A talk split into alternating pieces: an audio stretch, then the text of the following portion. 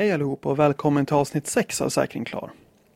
Vinterklättersäsongen är här och jag hoppas att alla lyssnare har hunnit rasta både stegjärn och isyxor med isklättring, torryxning och fjällklättring. Och anmars vintertid kan ju ibland vara ett av kruxen, framförallt vid fjällklättring. För om man är sugen på att komma iväg till Kebnekaise eller kanske Lunddörren för att klättra så kommer ju själva sträckan till insteget vara en stor del av turen, vare sig man vill eller inte. Och vinterklättring och topptursskidåkning har ju ofta sett som mer eller mindre samma sak. Att gå på topptur till exempel, det kan ju ofta innebära alla moment som en fjällklättertur har att erbjuda. Stegjärn, isyxa, sele och rep kan komma till användning. Och, ibland, och man rör sig ibland i både brant alpin terräng, smala kammar, branta snöfält. Och vid vissa turer kan det även krävas ett par klätterhäv både på is och klippa för att ta sig till toppen. Så om man vill komma ut och klättra i fjällen vintertid eller åka till Alperna och klättra så är mitt hetaste tips det att börja med topptursskidåkning. Allt jag kan, eller snarare det lilla jag kan om vinterklättring, det har jag lärt mig via topptursskidåkningen. För att vara ute i fjällen vintertid, att klä sig rätt, vägval, laviner. Allt som är livsviktiga kunskaper vid fjällklättring. Mycket av det har jag lärt mig via topptursskidåkningen. Och en av de personer i Sverige och i världen skulle jag tro som går mest på topptur, det är Mattias Kans. Det finns nog ingen som är ute så ofta i vinterfjället oavsett väder. På smala kammar, i branta, branta rännor, både uppför och nedför, ofta med skidor under fötterna. Men även med stegjärn och isyxor för att nå fram till den fina skidåkningen. Och Mattias, han har bland annat tagit sig upp på 365 fjälltoppar under ett år. Och för två år sedan genomförde han och Henrik Westling Stora Sarek-traversen på 21 timmar. Och för att förstå den bedriften så kan det jämföras med att du startar vid Storlån, skidar upp till Sylarna, genomför Stora Syltraversen tre gånger och sen skidar tillbaks till Storlån i ett svep. Och Stora Sarktraversen ligger även i Sveriges enda vildmark, långt ifrån närmsta bilväg. Så om någonting skulle hända så är det inte säkert att du kan bli räddad. Och det tidigare rekordet på turen det var på runt nio dagar. Så de var lite snabbare. Och Mattias han vet allt som är värt att veta om skidor, stigutsvalla och stavar för att effektivt ta sig fram till fjälls på vintern. Så lyssna på hans tips och råd så kommer nästa anmarsch kännas mycket lättare.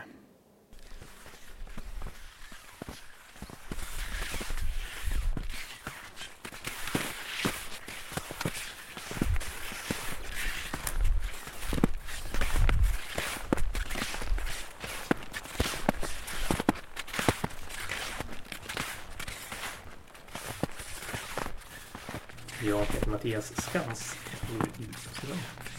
Jag arbetar inom friluftsbranschen, sportbranschen.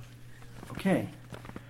Och vi har lite grossistverksamhet av toppturs och klätterprylar. Och du jobbar på Fjällpuls, alltså butiken här i Östersund? Ja, vi har en grossistdel, en butik. Och på somrarna jobbar vi med fjällmaraton. Just det. Och du åker även lite skidor ibland? Ibland på min fritid. Just det. Hur många, förra året, det är ju precis nytt år, men jag tänkte 2018, hur många skiddagar hade du? Det vet jag inte faktiskt i antal så, men jag brukar ligga runt ganska precis 100 000 höjdmeter kanske. Per, eller per år? Ja, kalenderår eller vintersäsong, det spelar ingen roll. Det blir ju lika mycket Ja. i det stora hela. Så eh, typ i snitt kan man säga att du går upp på eh, Åreskutan 100 gånger per säsong? Ja, det är väl en bra jämförelse Ja. om jag går från sjön. Från sjön upp till toppen. Mm. 100 gånger per säsong. Ja, Fy fan. typ eh, två till tre gånger i veckan medan det är skidsäsong helt enkelt. Just det. Eh, jag tänkte också, den här podden är väl egentligen en, en klätterpodd om man säger så. Eller ja, det är ganska brett klättring också. Men jag tänkte att jag vill ändå eh, intervjua dig för att du är ju ändå den person som jag känner som är mest ute i vinterfjället. Och eh, och du har ofta skidor på, under fötterna men du har även ofta stegen och isyxor med dig. Ja, Och firar och klättrar upp och går jättesmala kammar och så vidare. Och så vidare. jag håller ju på med klättring också. Men Det det är väl främst skidåkning. Främst, ja. Eh, ja, För jag tänkte också så här att, att det, det är som en eh, eh, en brygga mellan klättringen och skidåkningen. Det är lite, lite där du kanske någonstans me- mittemellan. Ja, men kanske. Jag vet inte. Jag har inte tänkt så. Jag, jag, jag är ju skidåkare. Det är så jag ser mig själv. Jag åker, det är ju därför jag är i fjällen. Främst. Och är det inte skidföre, då kan jag tänka mig klättra. Så. Men jag eh, åker gärna skidåk som behöver klättring. Liksom, Just det. om man definierar sig så. Ja, eh, för jag tänkte på det. När vi snackade för någon månad sedan när vi pratade om, om definitionen av vad man ska kalla det. Är det skimo? eller är det topptursskidåkning? Ja. Eller är det hot route? Eller randonnéskidåkning? Det Jag ju... har inget bra svar, men jag skulle kunna prata om det här i en timme säkert. Okej, vi vi tar det lite kort då bara. För du, man kan säga att du, du försöker åka, göra skidåkning som kräver klättring ibland. Att det är så pass smalt och Ja. brant att du måste ha stegen på dig. Och isyxa i händerna. Och ska man beskriva vad man gör, då är ju ski mountaineering på engelska. Ja. Eller skidklättring? Skid... Ja, jag vet Bestigning? Skid... inte. Ja, alltså i Sverige, det finns så Nej, det många finns olika namn så att jag Mm, tappar ja. bort mig helt. Jag har ju hållit på mycket med toppbestigning av berg. Ja, Och där tycker jag väl att bergsbestigning är ett bra ord. Mm, mot norskans klyvning. ja. Eller eh, Tinderangring. mountaineering på engelska. Det tänker jag betyder bergsbestigning på svenska i alla fall. Ja. Men, men just på skidåkning där, alltså pratar jag med mina kompisar så pratar vi om att, tura. Verbet tura, turskidåkning. Eh, och jag som jobbar med det här också tänker ju, eftersom majoriteten av människor under 50 i alla fall idag i Sverige pratar om topptur då. Em, Skimountaineering, det jag håller på med. Eh, men benämner det som turskidåkning, alltså att tura helt enkelt. Men alla äldre tänker då på nordisk turåkning, så jag har bara sagt nordisk turåkning när jag menar det. Man kunde ju säga platt tur, men det låter lite negativt. Så jag kallar det för nordisk turåkning eller turskidåkning. Ja, att, men jag tänker samma sak. För Men mina kompisar, men folk där ute förstår ju inte exakt vad vi pratar om då. Nej. Total förvirring. För när jag pratar med människor som är liksom i fjällsvängen. Då säger man, ja ah, man är på tur. Jag kom, ja, tura. Ja. Och då tänker jag, menar du, vad menar du? Alltså turskidor, det gamla, lite grövre längdskidor kan man säga. Det är turskidor för mig. Medan att gå på en topp med här, det är ju topptursskidor. Eller toppturande. Mm. Men det där liksom, liksom smält ihop ordmässigt. Ja, alltså i, på engelskan och i Europa och i världen så pratar man ju om ski touring om man pratar om som inte innefattar någon klättring då. Så är det ski mountaineering om det är mer klättringsinslag. Ja, och i Norge är ju topptur det erkänt godkända ordet eller vad man nu ska säga. Det som Ja. används av den breda massan. Just det. I Sverige är det väl också topptur, tror jag. Jag tycker dock att det är ett väldigt, väldigt dåligt ord eftersom det inte riktigt beskriver vad man gör. Det kräver ju att man ska gå till toppen och det gör ju max 50 procent av de som är ute på en skidtur med stighudar. Eller hur? Eller håller du inte med? jo. Ja, men jag känner, det här, det här kommer ju kunna, vi kan prata om det här i flera timmar. Ja. Ja, ja.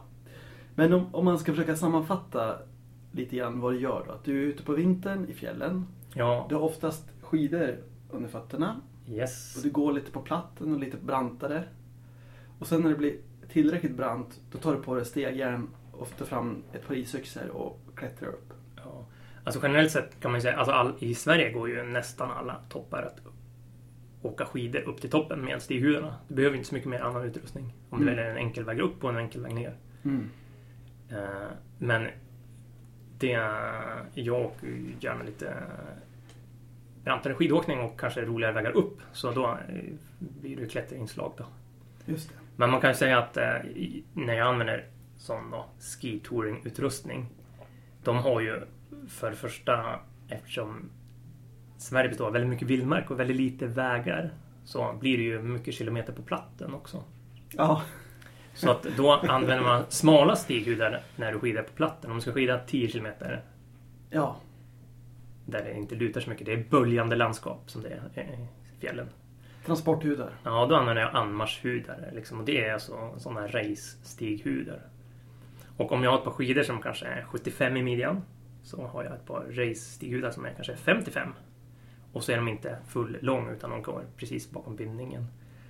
Och då får du mycket glid på steget. Och går ungefär lika fort som eh, nordiska turskidor. Okej. Det går inte lika fort som längdåkning då. Och, och, men är det bra snö som bär och det är helt platt eller till och med lite utför så, då, då skater jag ju såklart. För det går ju fortast. Just det. Och det, gör- men, men dagens den typen av skidor som jag använder som är hyfsat lätt då. Eh, då går det ju bra att skata liksom. Om man skater med fast häl och Mm. gärna långa stavar. Ja, just det. Eh, men jag tänkte vi kan återkomma till det tekniska. Mm. Men vi kan ta lite från början. För du är precis som jag född och uppvuxen i Östersund. Ja, vi gick till och med i samma skola. Ja, parallellklass. Eh, men jag kommer ihåg, kommer ihåg när vi var i Åre och gick med snowboard upp på Åreskutan? Ja, det minns jag. Det var väl Första våran... turen. Ja, jag tror... ja, det kanske var vår första Jag hade inga tur. snöskor. Nej, vi gick i snowboardskor Ja. bara rakt upp. Åt snö. Gjorde vi? Ja, eller åtminstone, ja, mitt vatten tog slut så jag åt snö. jag. Ja, just det. Och så träffade vi han, på vägen upp träffade vi... eh, Den så kallade professorn. Jag vet inte vad han heter egentligen. Men han åker skidor fortfarande. Borde Åre. Ja, Karlsson någonting va? Ja, kanske. Ja, men det är den här gubben i Åre som har 370 skiddagar per år, eller vad han? Nej, jag vet inte. Det stod ett re- reportage om han i freeride.se här om veckan. Ah, okej. Just det. Kan jag rekommendera. Men det var då, för det var 98 har jag räknat ut. Ja, jag tror det var det. Ja. Om det inte var 97. Nej, jag tror 98. Ja. Jag är inte, inte helt säker, men, men det är ett tag sedan. Eh, och sen, kom jag ihåg, fortsatte vi gå lite på tur med Det var ju din snowboard. far som lurade in oss tror jag. Ja, Lite grann. Örn Söderin som var en, gått på topptur länge. Eh, Ja, men vi köpte ett par snöskor var. just det. Och så följde vi med din pappa på en topptur. Ja, och det var ju... Eh, eh, Vi var väl 14 år 98. ja, För att sätta det i perspektiv. ja. Mårdsundsrännan var det. Det tror jag det var på Västfjället. Just det, jättelång platt anmarsch. Var det. Ja, jag ihåg. Det var väldigt- kul. Väldigt slakmotigt i alla fall. Ja, det var inte så mycket åkning. Kanske för eh, insatserna. Eh, Men hur länge höll du på gå på tur med snowboard och och snöskor? Ja, det var väl inte så många år. Ja, för jag gick inte heller så många år. Jag Nej. insåg att det, var, det här är för jobbigt. Ja. Nej, men... det- Det, kanske, jag tror jag köpte mina första randonnébindningar då. Eller topptursbindningar. Eller skitouringbindningar. Ja. ja. Som möjliggör lös häl helt enkelt. Ja. Men man kan åka med fast häl. Det köpte jag kanske 2001. Och vad, vad köpte du då? Då köpte jag en typ av rambindning som, är, som Fritchie tillverkar. Ja, Diamir. Eh, Fritchie. Ja, Ja. just det. Mm. De Olika med- namn på dem. Ja.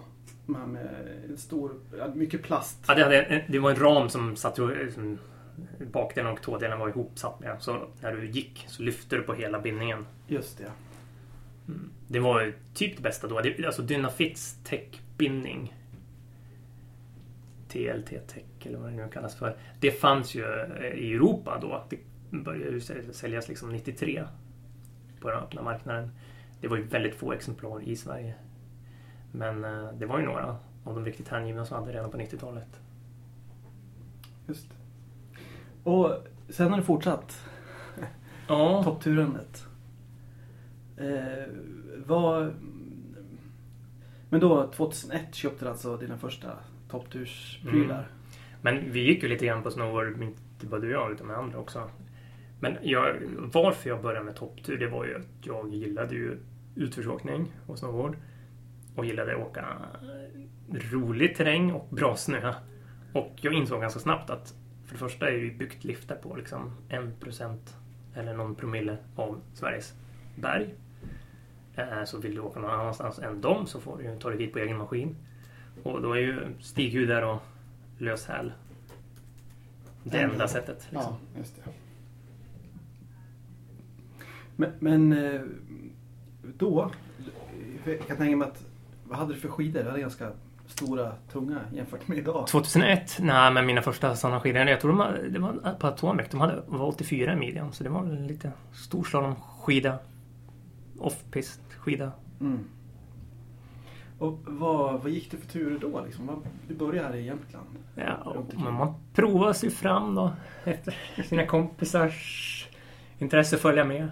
Ja, men vi var några stycken av den som var intresserade av berg och skidor och topptur. Ja, men vi provade oss fram mest. Jag har ju inte haft någon i familj eller släkt som har hållit på så jag, vi har ju tittat på kartor. Ja, vart kan det vara bra skidåkning? Mm. Här ser det brant ut. Eh, Vi provar att åka där. Eh, Du har eh, sluppit och blivit tvingad som jag har blivit av min Ja, precis. Jag vet inte om det är fördel eller nackdel. Eh, nej, men eh, så vi provade oss fram. Ibland såg vi sluttningar från vägen också. Det behövde inte vara ett stort, stort berg. Det kunde vara bara en skogskulle som såg gles ut för bra skidåkning. Det var det som drev mig att hålla på med det. Sen upptäckte jag att massa olika saker var roligt i, inom det här. Mm. Just det. Ja, ja. Men, eh, och sen börja... Du har ju, eh, vad ska man säga, eh, gjort ganska många sådana här listor på fjäll och, och liksom satt upp ganska tydliga mål, verkar det som. Ja, man är väl någon typ av statistiknörd. Ja. För, för du, för några år sedan så blev du de här 178 högsta fjällen i Jämtlands län. Ja, det är ju... Berätta historien om det.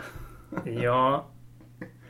Eh, vi träff, jag och min kompis Anders Gunnevall, vi var på en sommarfjälltur.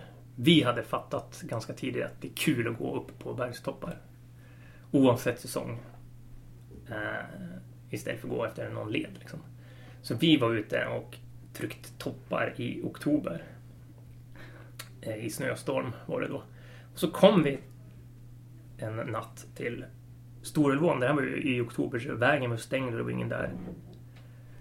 Och så tältade vi bara utanför stationen liksom för vi skulle gå ut till järnvägen då för att ta buss eller tåg hem. Och då träffade vi en man som var där själv. Han låg och sov i ett tält där och drack folköl för sig själv. Det här var typ fredag kväll, inte vet jag. Lördag kväll. Och det var en man som hette Carl Wistrum. Eh, så vi surrade lite med han och berättade. Ja, vi har varit på de här topparna nu och vi ska dit. Och han berättade att jag har varit på de här topparna och ska dit imorgon. Så vi... Ja, men vi håller på med samma sak. Och då berättade han att han höll på att göra bestiga alla fjälltoppar i Jämtlands län. Och, och, och den där listan på 178 toppar, det är ju inte de högsta. Eller det är ju de högsta såklart, men det är alltså 178 stycken fjälltoppar. Ja, för det finns, det finns Finns inga fler fjälltoppar än 178. för det finns en definition av vad en fjälltopp är. Ja, som vi har grundat då. Men det, Karl var väl den som satte ribban. Ja. Men han har ju tittat på hur de resonerar i andra länder kring det här då. Och vi har ju kommit fram till att enligt den här listan då, som ju finns över Jämtland, så är det tre kriterier kan man säga. Det är att den ska, det ska vara ovanför trädgränsen, alltså kalfjäll, Mhm. Vilket i Sverige är mellan 500 och 900 meter över havet på olika ställen. Eh, den ska falla mer än 50 meter innan det går upp för igen. Annars är det en förtopp. Ja, just det. Ja. Det är ingen egen topp. Utan då finns det ju en, en annan som är huvudtopp. Eh, Och det kallas för primärfaktor. Eh, Och sen ska det se ut som en topp både på kartan och i verkligheten. Okej. Och eller kanske. Och det där är ju, det, blir ju eh, en subjektiv bedömning. Såklart. Mm. Eh, Men så han gjorde en lista och sen hade vi några andra som hade börjat på det här då. Mm. Lite synpunkter så vi la till tre, fyra toppar. Okej. Ja men det, han hade med, han, han, hans lista var 175 men vi, det blev 178 till slut. Det var bland annat två dubbeltoppar som han räknade som en då. Men eftersom de hade mer än 50 primärfaktor, Ja, emellan sig. ja, så Just det. tyckte vi att det var två såklart. Mm. Eh, Det är ju oviktigt i det stora hela. Sen har vi, framförallt jag, men tillsammans med lokala personer och andra likasinnande, gjort listor över hela svenska fjällen. Så det finns listor på Västerbottens län och på Dalarnas län. Dalarna har 12 stycken. Västerbotten har 144. Så finns det tre listor över Norrbotten indelat på tre olika områden. Det är en norr om Luleälven, en söder om Luleälven och så är eh, allt söder om Luleälven utom Sareks nationalpark. För Sareks nationalpark har en egen lista för det är så pass många. Okej.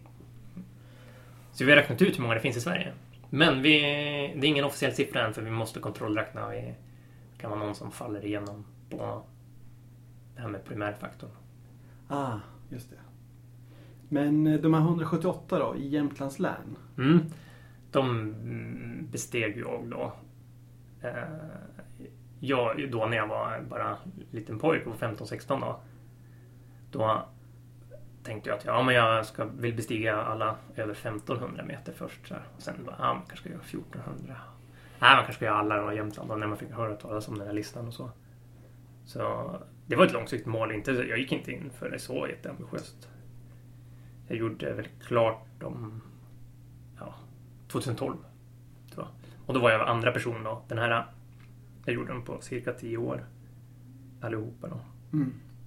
Men det var sommartid då främst? Ja, det var sommar och vintertid. Sommar och, just det. Men inte med skidor alltid då? Nej, och jag vet inte. Då när jag blev klar med alla, då hade vi kanske gjort 40% på sommaren och 60% på vintern. Okej. Cirka. Just det. Det är mycket roligare att göra på vintern, för då får du åka utför. Ja, jag tänker att det, Utförsåkning utför. Ja, och gå så- ner för stenskrävel är ju lagom kul. ja, att det är lite enklare på vintern. Ja. På, på vintern är det roligaste utförsåkningen, men på sommaren är det roligaste att gå upp för. Eller klättra upp för. Helt klart. Ja, okej. Just det. Men sen gjorde du också alla med skidor på fötterna? Eller under fötterna? Ja, 2012 hade jag ett... Jag tyckte det här var så kul med toppbestigning så jag höll på med det mycket på sommaren också då. Alltså gå upp på toppar, bergsbestigning. Mm. Eh, och oavsett om det är höga eller låga så finns det ju en poäng att gå då. Liksom. Eh, man får ett mål. Så 2012 bestämde jag mig att jag ville åka skidor och hålla på med det här lite mer på heltid. Mm. Och jag hade väl inte så mycket sponsorer så, så jag jobbade typ halvtid. Så jag har satt upp mål att jag skulle, för att tvinga mig själv ut oavsett väder och så. Annars kommer det bli som alla andra vintrar. Så satte jag upp ett mål att jag skulle göra en per dag i snitt. Så mitt mål var att göra 365 toppar på ett år då. Ett kalenderår. Det var skottår så det var 366 jag var tvungen att göra. Det gjorde jag 2012 och det var samma år som jag blev klar med den sista i Jämtland då. Just det. Ja. Och eh, det är världsrekord än idag. Jag gjorde 368 till slut. På ett år? Ja. Och det, det gjorde du lite överallt i världen? Ja, det var väl hela världen. Alltså, det var inte hela världen. Jag reste inte runt som en idiot. Men det var ju mest Sverige, Norge och Alperna. Just det. Och var du i Rumänien också? Eh, inte den vintern, men jag har varit där. Ja, Okej, just det. Jaha, det visste inte jag. Så det, du är ju världsrekordshållare Ja, i antal... I den stora sporten. Ja. antal fjälltoppar på ett år alltså. Ja. Coolt. Det visste inte jag. Nej. Eh, den här listan då. I alla fall med 178 i Jämtland. Mm. Henrik Westling som också bor i Östersund och en hängiven skidåkare och klättrare. Han ville göra de här på skidor då. Och det bestämde han, jag vet inte när han bestämde det men det var lite så här. Han hade pratat med Karl om det. Ja, men, och då hade Karl sagt ja men ska du göra något kul och nytt ska du göra alla på skidor då. Och då För det jag inte gjort tidigare. Alltså, nej, det alla- var bara jag och Karl som hade gjort dem Ja, innan. och ingen hade gjort dem mm, alltså, Enbart på skidor. vintern. Ja, just det. Just det. Karl hade dock, det, det bör påpekas, han hade en väldigt hög ambition när han började med den här listan. Han höll på mellan 1977 och 2007. Tror jag det var. 30 år alltså. Hade han en ambition att topptälta på varje topp. Jaha. Så han gjorde det säkert, jag vet inte, nu gissar jag, men han har ju säkert gjort det på 50-60 toppar innan han insåg att det här kommer jag aldrig bli klar med. Okej. Men det är ju kärvt och tufft att topptälta oavsett säsong på Ja, det kan ju, svenska fjälltoppar. det kan ju blåsa en del. Ja, det kan vara ganska ojämnt underlag till exempel. Ja. Okej. Men den här Henrik Westling i alla fall, han mm, skulle då skida alla och då tänkte jag, det här var ju 2012 då jag hörde talas om att Henrik höll på med det och jag hade precis blivit klar. Ja. Tänkte jag att ja, men jag har ju typ gjort majoriteten redan på vintern. Då hade jag mycket mindre toppar kvar än han. Ja. Så jag drev lite grann under hela processen att jag kommer bli klar före dig bara för att Men vi är ju kompisar han och jag så att eh, vi gjorde ju mycket toppar tillsammans då som jag hade kvar då. Fick jag göra dem på vintern också då. Så jag har gjort alla eh, på vintern också. Just det. Och den sista gjorde ni tillsammans? Tillsammans, ja precis. Okej. Ja, jävlar. Ja. Eh, men du har även gjort massa andra sådana här eh, långa, Ja, långa projekt. ja, jag gillar ju långturer och långa projekt. Många av de här topplistorna man håller på med, de, det är ju livstidsprojekt för de flesta. Jag vet han som blev nummer fyra och gör de här, han gjorde dem ju ganska snabbt. Men han, det var ju hans stora hobby under de åren, gjorde inte så mycket annat. Okej, alltså Han Jämtland. Ja, Ah. han heter Denny Calvo. Ah. Mm. Han gjorde dem snabbast nu då. Mm. Men han, ja, i alla fall så... Nu kommer jag bort mig helt. Vad ska jag berätta? Jag får klippa bort det här. Ja, det var någonting om den hade gjort dem snabbast. Ja, men det var inte riktigt det jag skulle berätta. Vad frågar du? Nej, men jag, jag tänkte på hur många av de här topparna då eh, som du gjorde på vintern skulle du säga är liksom tekniska så att du måste ha stegjärn och isyxor och rep eller liknande? Ja...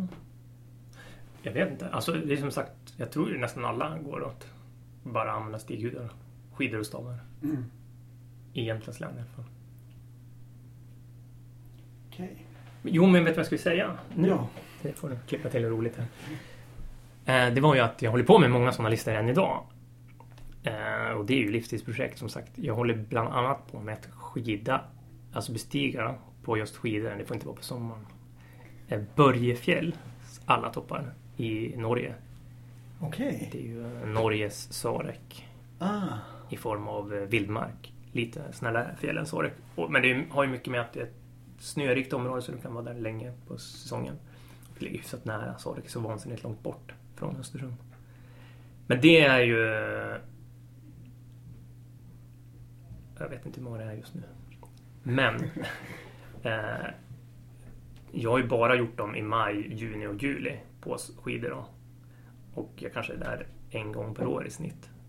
Och jag har hållit på i tio år och jag kanske kommer hålla på tio år till.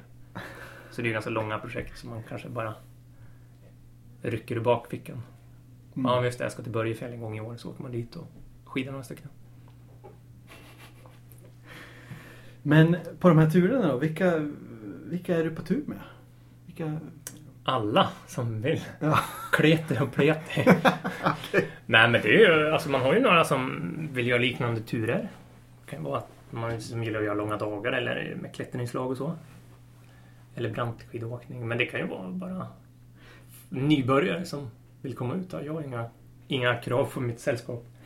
Okej. Är de intresserade att följa med ut så får de åka med mig. Absolut.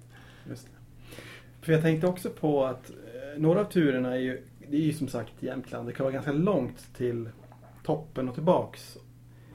Men du, du är som mig, du gillar inte att tälta. Nej, jag gillar ju inte friluftsliv i den bemärkelsen. Det kan ju vara schysst med min fru så. Och bo i tält. Men alltså för skojs skull bor jag inte i tält. Utan jag föredrar ju långa dagar istället. Att du gör det bara i ett svep liksom. Ja. Mm. Eh, Varför då? Eh, ja, men för att jag inte gillar att tälta och bo i stugor och sånt. Utan jag, för, jag föredrar att göra, göra det jag ska göra, vill göra. Alltså åka skidor och gå ut i fjällen och sen åka hem. Och leva ett normalt liv. Bo i en, sova Ja. i en säng. Precis, äta riktig mat. Ja. Eh, laga riktig mat. Ja.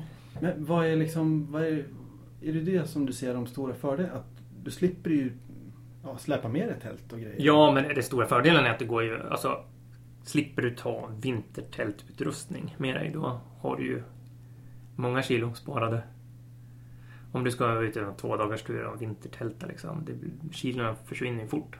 Och om du istället eh, har med dig lite smörgåsar och bara liksom lunch och är ute 12 timmar istället för två gånger åtta timmar eller vad det nu kan ta. Mm. Då uh, går det fortare och vi hinner göra mer om du går lättpackad. Helt enkelt. Mm. Lätt utrustning kan man göra mycket med. Ja, eh, jag tänkte på en annan sak som du har gjort som inte är, har så mycket med klättring och skidåkning att göra, men ändå fjällen. Det var när du cyklade Svenska fjällkedjan Mm, för ett par år sedan. precis. Berätta om det. Ja, men det, det har ju eh, dels med fjäll att göra, men det har ju också med att jag gillar att cykla mountainbike sommartid. Men det är ju, det det har mest gemensamt är ju att det är en fysisk utmaning och en psykisk utmaning. Ja, Även om den inte är så vertikal. Alltså det är ju mycket vertikala meter. Men, men, men det är ju ingen som har cyklat den så. Och jag... Det är ju folk som har skidat den. Och gått och sprungit och så. Men jag tänkte att dels för cykla ju mountainbike då, så jag ville göra den på mountainbike. Och jag hade cyklat. Jag har varit så mycket i svenska fjällen så jag har cyklat. Hade ju cyklat säkert 50% av sträckan redan. Så jag visste ju vad som väntade mig ganska mycket. Så jag ville ju göra det här då så fort som möjligt. Eftersom jag gillar att göra saker fort. Eh, Så jag hade, jag cyklade alltså Svenska fjällkedjan utan övernattutrustning och utan kök. ja vad vägde din packning? Alltså, jag tror 5,5 kilo vägde utrustning jag hade med mig och då var ju 1,6 kilo cykelverktyg och cyk- reservdelar. Så alltså jacka och kläder och sånt där. Mat, det vägde ju alltså 4 kilo. Men hur, Cirka. hur liksom... Ja men då har du ju vänt Vart och vridit på allting, varenda gram och funderat på Ska jag ha den här jackan som väger 80 gram eller den här som väger 95? Funderat på det ett år liksom innan man bestämmer sig för en sån sak. eh, nej men jag körde jag kallar den här stilen för luffarstil. Eh, det, det går ut på att man sover där man där det är möjligt, när man är trött. Man sover när man är trött, där det finns möjlighet att sova. Man äter när man är hungrig. Och vad, innebär det? Du sov i ett, ett vindskydd då eller? Ja, alltså. Större delen av svenska fjällkedjan finns det ju STF-stugor och man är ju inne en bit i Norge, där finns det några norska turiststugor. Men det innebär ju också att det finns ju en alltså vanlig civilisation här och var.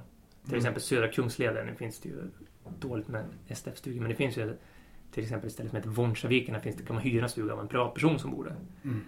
Men det, är ju, det, det, ju, det blir så långa distanser då för om du skulle skida eller åka eh, eller gå. Så det går inte att göra på en dag. Men, men med cykel så är, är det möjligt då, om man håller på väldigt länge. Och en annan rolig sak med cykel är att du kan, du kan ju inte springa 15 timmar om dagen sju dygn. Då ska det ju vara extremt. För det, det sliter ju mycket mer. Men cyk, cykla mountainbike kan man göra det. Så det är lite fördelaktigt då. För det inte sliter på knäna och sånt på samma sätt. Just det.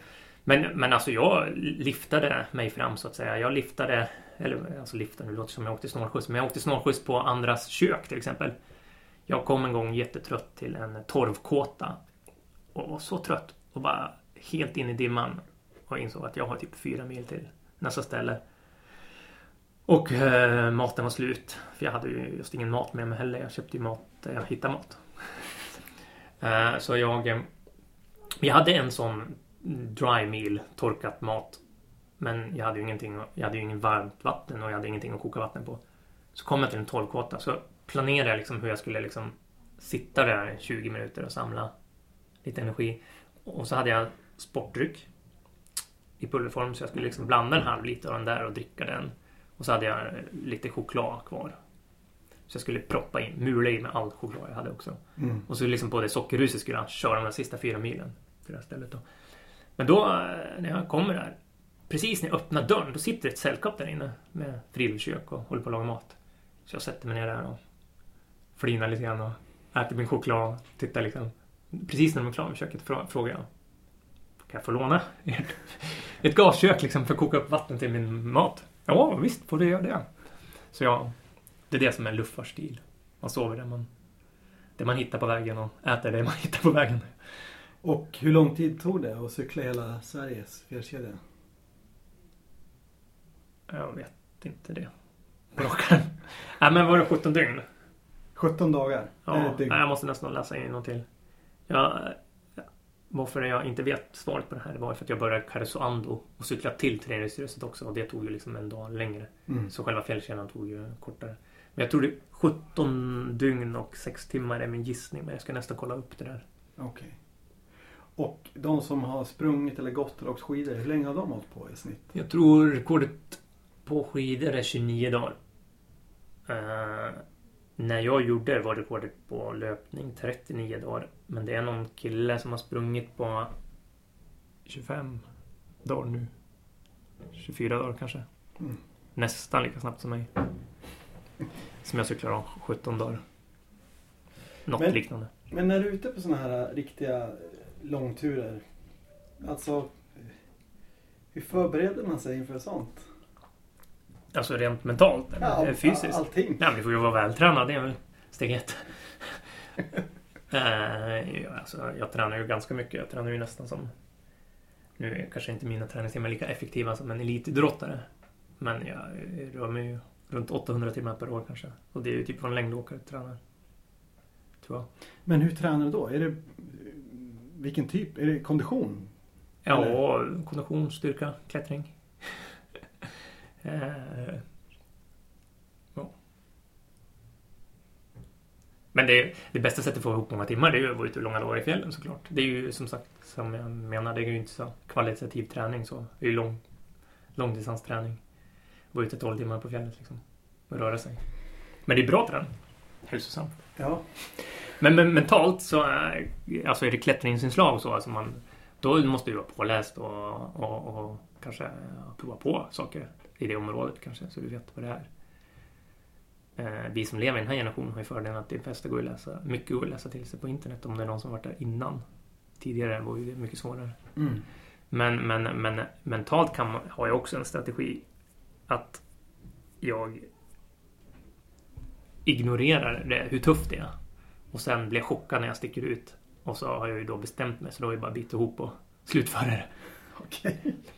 Ja, det låter kanske lite farlig taktik men eh, lite så rent mentalt.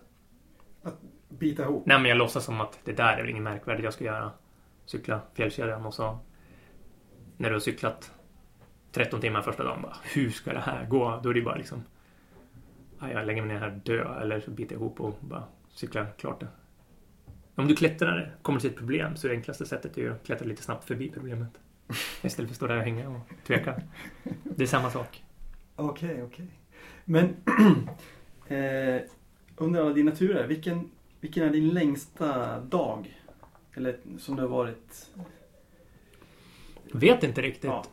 som har varit i farten. Jag har inte försökt vara igång så jättelänge bara för, för att. Men eh, jag har skickat, skidat Skäckefjällens alla toppar. Det är 16 stycken och det är 8000 höjdmeter och 75 kilometer. Det har jag gjort under 24 timmar. Men då vilade vi nästan ja, fem och en halv timme eller sånt. Vilade vi då. Det ganska långt då. Men eh, kanske stora Sarek-traversen. Det var ju längre timmar. Det är ju skidåkning och lite klätterinslag. Alpin travers, Sveriges längsta. Den gjorde vi på 29 timmar. Och det var med inmarsch och utmarsch. Själva traversen tog 21 timmar. Så det är väl kanske längsta, tror jag faktiskt. Ja, för jag ville även komma till den. Eh, stora Sarek-traversen som du och Henrik Westling gjorde i ett svep för två år sedan. Ja, 2016 måste det varit. Nej, 2017. Okej. 17. Och eh, för de som inte vet, vad är Stora Sarek-traversen? Det är Sveriges längsta alpina travers. Och alpina travers, det är alltså både skidor och klättring? Ja, det är det ju. Alltså en travers kan man göra på sommaren också generellt sett. Eh, Det är ju någon typ av kamvandring som är liksom jättelång helt enkelt.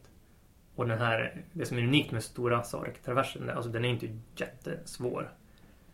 Eh, Det är ju att den är så lång och att den är så långt bort från civilisationen. Ja, för jag har tänkt på det att eh, man jämför med Syltraversen till exempel som finns i Jämtland som är en klassiker som ändå är ganska känd i, även i svenska klättersammanhang. Mm. Eh, och den är ju, på vinter kan ju den vara ganska krävande. Alltså för att, inte för att det är svårt. Det är ingen svår klättring direkt. Men det kan ju vara jättedåligt väder. Eh, men det är ändå Syland, alltså det är ju inte vildmark. Och det är ändå ganska nära till stationen Mm. och sådär. Men Sarktraversen, då är man i... För det är ju Sveriges enda vildmark, eller hur? Ja, det beror på vad du definierar vildmark. Det lever ju en massa samer där och Jo, jo men, men det är liksom... renar. Så det är inte helt öde. Nej, det är sant. Men det är ju ändå... eh, Det är inte som i ja, men, övriga fjällen att det är massa leder och stugor och Nej, det är ju väldigt utsatt ur det perspektivet. Helt klart. Det är ju, dels är det ju några mil in i själva området. Mm. Och sen finns det ju inga, inte just någon mobilmottagning och sånt. Och det finns inga vindskydd. Och hur lång är traversen? Ja, det är ju det här med siffror som jag tycker är så viktigt att ha rätt på som jag inte kan i huvudet. Jag måste Okej. läsa innantill. Får du kolla upp det eller? Ja men, för jag kollade grann idag. Det var någon, någon så här 47 kilometer tror jag. Ja, men det, Längden. ja, det kan vara själva traversen då. Ja. Och sen är det alltså anmarsch och utmarsch också. Jag kollar upp det här nu. Ja men gör det. Jag kan inte. Ja. Har du internet här? Nej jag har, jag har inte, tyvärr. Jag har bara på telefonen. Jag måste... Ja. Men, men jag tänkte på den turen. Hur liksom... Hur tänkte ni där med upplägg och, och strategi och, och utrustning? Här. Nu är jag redo för dina frågor. Nej men Stora Sorktraversen, om vi pratar om själva klätterdelen då, Ja. så är den, vi fick till på vår GPS-klocka 45 kilometer och 4600 höjdmeter. Och eftersom vi gjorde den i ett svep då utan tältutrustning och så, så gjorde vi på 29 timmar gjorde vi 79 kilometer och 5300 höjdmeter. Mm. Och den har ju gjorts tidigare. Den gjordes första gången på slutet av 70-talet va? Ja, 78, 92 och 2002 eller något sånt. Just det. Och sen vi 2000. Och om man ser liksom, man kan kanske inte prata om rekord, men de som har gjort den tidigare, de har hållit på i ni, nio dagar eller något sånt där. Ja, då, gänget som gjorde den 2003, de gjorde den liksom i, i, i, på nio dagar eller något sånt. Jag ska inte svära på den siffran. Men, men de alltså, var ju inblåsta typ två dagar i tält där de alltså inte ens var aktiva. Och så tog det två dagar fram till starten och så. Och vi skidade ju fram till starten på tre timmar, fyra timmar istället. Och eh, och sen är just det här med att vi inte har tältutrustning så går det ju väldigt... Man blir, rör sig mycket, mycket snabbare. Och jag... Det finns ju... Det blir ju mer utsatt om vi skulle skada oss klart. Att vi inte kan stanna och slå upp tältet vart som helst. Men eh, det blir ju säkrare på något vis också att man kan röra sig snabbare. Också, så det finns ju poäng med det. Men den, den turen hade ju vi... Jag ju velat gjort i tio års tid. Och, och, och läst på och planerat och försökt hitta sällskap som dels vill göra den och vara kapabel. Det är kanske lättare att hitta någon som är kapabel att göra den i ett svep än som samtidigt vill göra den. För det är ju, det är ju en ganska konstig tur så. Ja, för du gjorde den tillsammans med Henrik Westling. Mm. Och, och man kanske inte kan gå in på alla detaljer, men jag tänker på vad hade ni då mer för prylar? För ni skippade tält och sovsäck, all, all, all liksom Mm. bivackutrustning kan man säga. Men det, det stora var ju att vi, vi är vi håller på mycket med skidåkning Ja. i fjällen. Så vi åkte ju skidor där de flesta andra har gått i stegjärn. Ah. Även om det... Så vi försökte åka skidor. Målbilden var att åka skidor hela tiden. Där det gick. Där vi kunde liksom. På ske på ett säkert sätt. Både om det är uppför eller nerför. Men det där, alltså när man har varit igång så länge så blir man ju trött. Så till och med jag själv var tvungen, vi var tvungna att påpeka för varandra. Just det, vi, vi kom till ett brant grej bara, nej. Ska vi bakningsklättra eller ska vi gå framlänges med stegarna? Ja just ja, vi åkte ju skidor ja.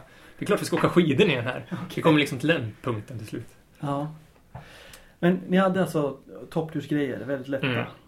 Eh, transporthudar, hade ni det? Absolut hade jag. Det är det. Och även bredare stighudar Ja. för brantare. Jag hade två stiggurar med mig och ett par anmarsch och ett par fullstora. Och det är, bra att ha dubbla hudar för Alltså på en sån lång tur så är det stor chans att kanske Det finns risk att stighudarna börjar strula och inte fäster på skidan. Ja. Det vill man ju inte hända där ute heller. Nej men utrustningsmässigt, vi hade Det kan vi också prata med om en timme. Men, nej, men vi hade ju... Vi, vi ville ju inte riskera våra liv. Så vi hade ju mycket kläder. Det var ju 20 minus när vi startade vår tur. Uh, och det här var ju mitten på maj. Så vi hade ju mycket kläder med oss. Jag hade ju en tjock parkas liksom. Dunjacka som var lång. Som går långt ner för rumpan. Ja. Och ett par värmebyxor till exempel. Men du hade alltså dun, dunjacka? Ja, också. Alltså jag hade ju tunna jackor också.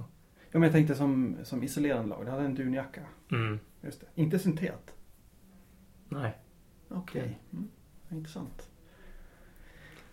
det är väl varmare när det är Jo, kallt. jo, men exakt. Det är ju det. Men jag tänker det är ju lite fuktkänsligt också. Ja, men alltså 20 minus på vintern. Så är ju, alltså Ja. vinter, jag bara, bara du en vintertid. Eh, som värmejacka. Däremot har jag, jag fryser väldigt mycket så jag har så här Primaloft-jackor som har lite så andningsfunktion som jag kanske rör mig i om det inte går så fort. Men det där är ju smaksak. Eh, nej men så vi hade ju mycket kläder. Våran, vi resonerade så här att vi ska kunna gräva ner oss och ta skydd och överleva en natt och kunna fortsätta dagen på. Det, det är liksom målbilden. Eh, för annars tycker vi att det är för stor eh, ja, men risk. Jaha. Eh, så vi hade ju Vi hade en vindsäck med oss. Visserligen världens lättaste för två personer. Eh, nej, det var, vi hade faktiskt en fyrmanna för att extra lite komfort. Så Henrik han hade lite mindre värmejackor och, så, och byxor och sånt än mig. Däremot så frös han ganska mycket om benen. Men han hade en superliten sovsäck med sig då. Så vi, vi i våran plan var att vi skulle stanna och vila när det var som varmast mitt på dagen. Eh, så vi gjorde en en vila, vilopaus. Den längsta vilan vi gjorde var en och en halv timme då. Då, då åt vi mat och smälte snö i 45 minuter och låg ner i 45 minuter. Jag hade lite svårt att sova dock. Men alltså vi la oss på skidorna liksom och så. Ja. Och då, det var mitt på, det var mellan 12 och 13.30 liksom ungefär. Så det var ju varmt. Just det. Och man tittar på liksom eh, pjäxor. Vad hade, ni- vad hade du för pjäxor? Så lätta som möjligt. som är ändå bekväma. Eh, Henrik hade ett par renodlade sådana mm, tävlingspjäxor som man tävlar med som väger liksom 600 gram. Jag hade lite mer komfort. Mina väger kanske 1000 gram precis. Där någonstans. Ja, just det. Per fot alltså. Ja, per fot. För det är ju det är ungefär, alltså klätterskor nu för tiden, alltså för isklättring då. Det finns ju de lättaste väger väl kanske, jag vet inte exakt, men runt 800 gram kanske Mm. per fot. Eh, Utan stege. Ja. Ja. Där mm, har jag ju märkt att, att skidalpina, eller eh, topptursvärlden, de är ju, är ju före när det gäller vikt. Ja, det är ju lättare. Mina vägde ju 1000 gram. Jo, jo, men alltså det väger de flesta klätterskor. Ja, väger det menar 1000 så. gram. Ja. Ja, det, det vet jag inget om. Alltså isklättrar jag för träningens skull. Så alltså, klättrar jag i mina skidprylar såklart. I min värld. Jag skulle aldrig köpa ett par klätterskor. Jo, kanske om jag åkte till Malia. Ja. Men då ska jag åka skidor å andra sidan. Ja, okej. Just det. Och eh, vad hade ni för klätterutrustning? Stegen, Ja. Vi, vi, det där är ju också lite personligt och beroende på tur såklart. Men, men ska man göra brant skidåkning och lite sådana turer så i topptursvärlden så använder vi bara en yxa. Om det är liksom snöklättring i en ränna så. Mm. Men och isklättringen så gör man ju alltid med två yxor. Liksom. Men vi har kommit fram till, både jag och Henrik i alla fall, att en lätt yxa och en som man kan hacka lite bättre med. Det är en väldigt bra kompromiss. Alltså en i aluminium kanske då. Ja, Och en i stål. Jag har en, en min aluminiumyxa, den är helt i aluminium och så har den stålspets. Ah. Och sen har jag en, en liksom alpinist yxa. Som man kan klättra med. Ja, det är alltså ingen renodlad vertikal isyxa utan lite mer så fjällklättringsyxa. Ja. Eh, för då, de tillsammans så kommer du långt på. Eh, och sen, sen hade vi ju mm, sele och lite säkringar med oss. Och vi hade ju rep med oss. Mm. 6 mm Petzl Ja, ett, ett redline. Redline. Just det. Inget att falla i. Nej, nej, det ska man inte göra. Det är inte till för klättring. Det är bara fira. Men... Ja, jag har klättrat, när vi gjorde Akkatraversen förra året, gjorde, klättrade vi också med den. Det är, jag har klättrat några gånger med den, men det är som sagt pest eller kolera. Ja, just det. Eh, men stegaren, det är ju vanligt att ha aluminium, men ni hade... Ja, för, för sådana brantskidåkningsturer och liknande traverser så kör jag med... Äh, finns inte det av respektive märke så bygger man själv. Man har alltså aluminiumbakdel och stål framdel. Just det. Det är väl den bästa kompromissen. Alltså är det klippa och isinslag så funkar inte riktigt aluminium så bra.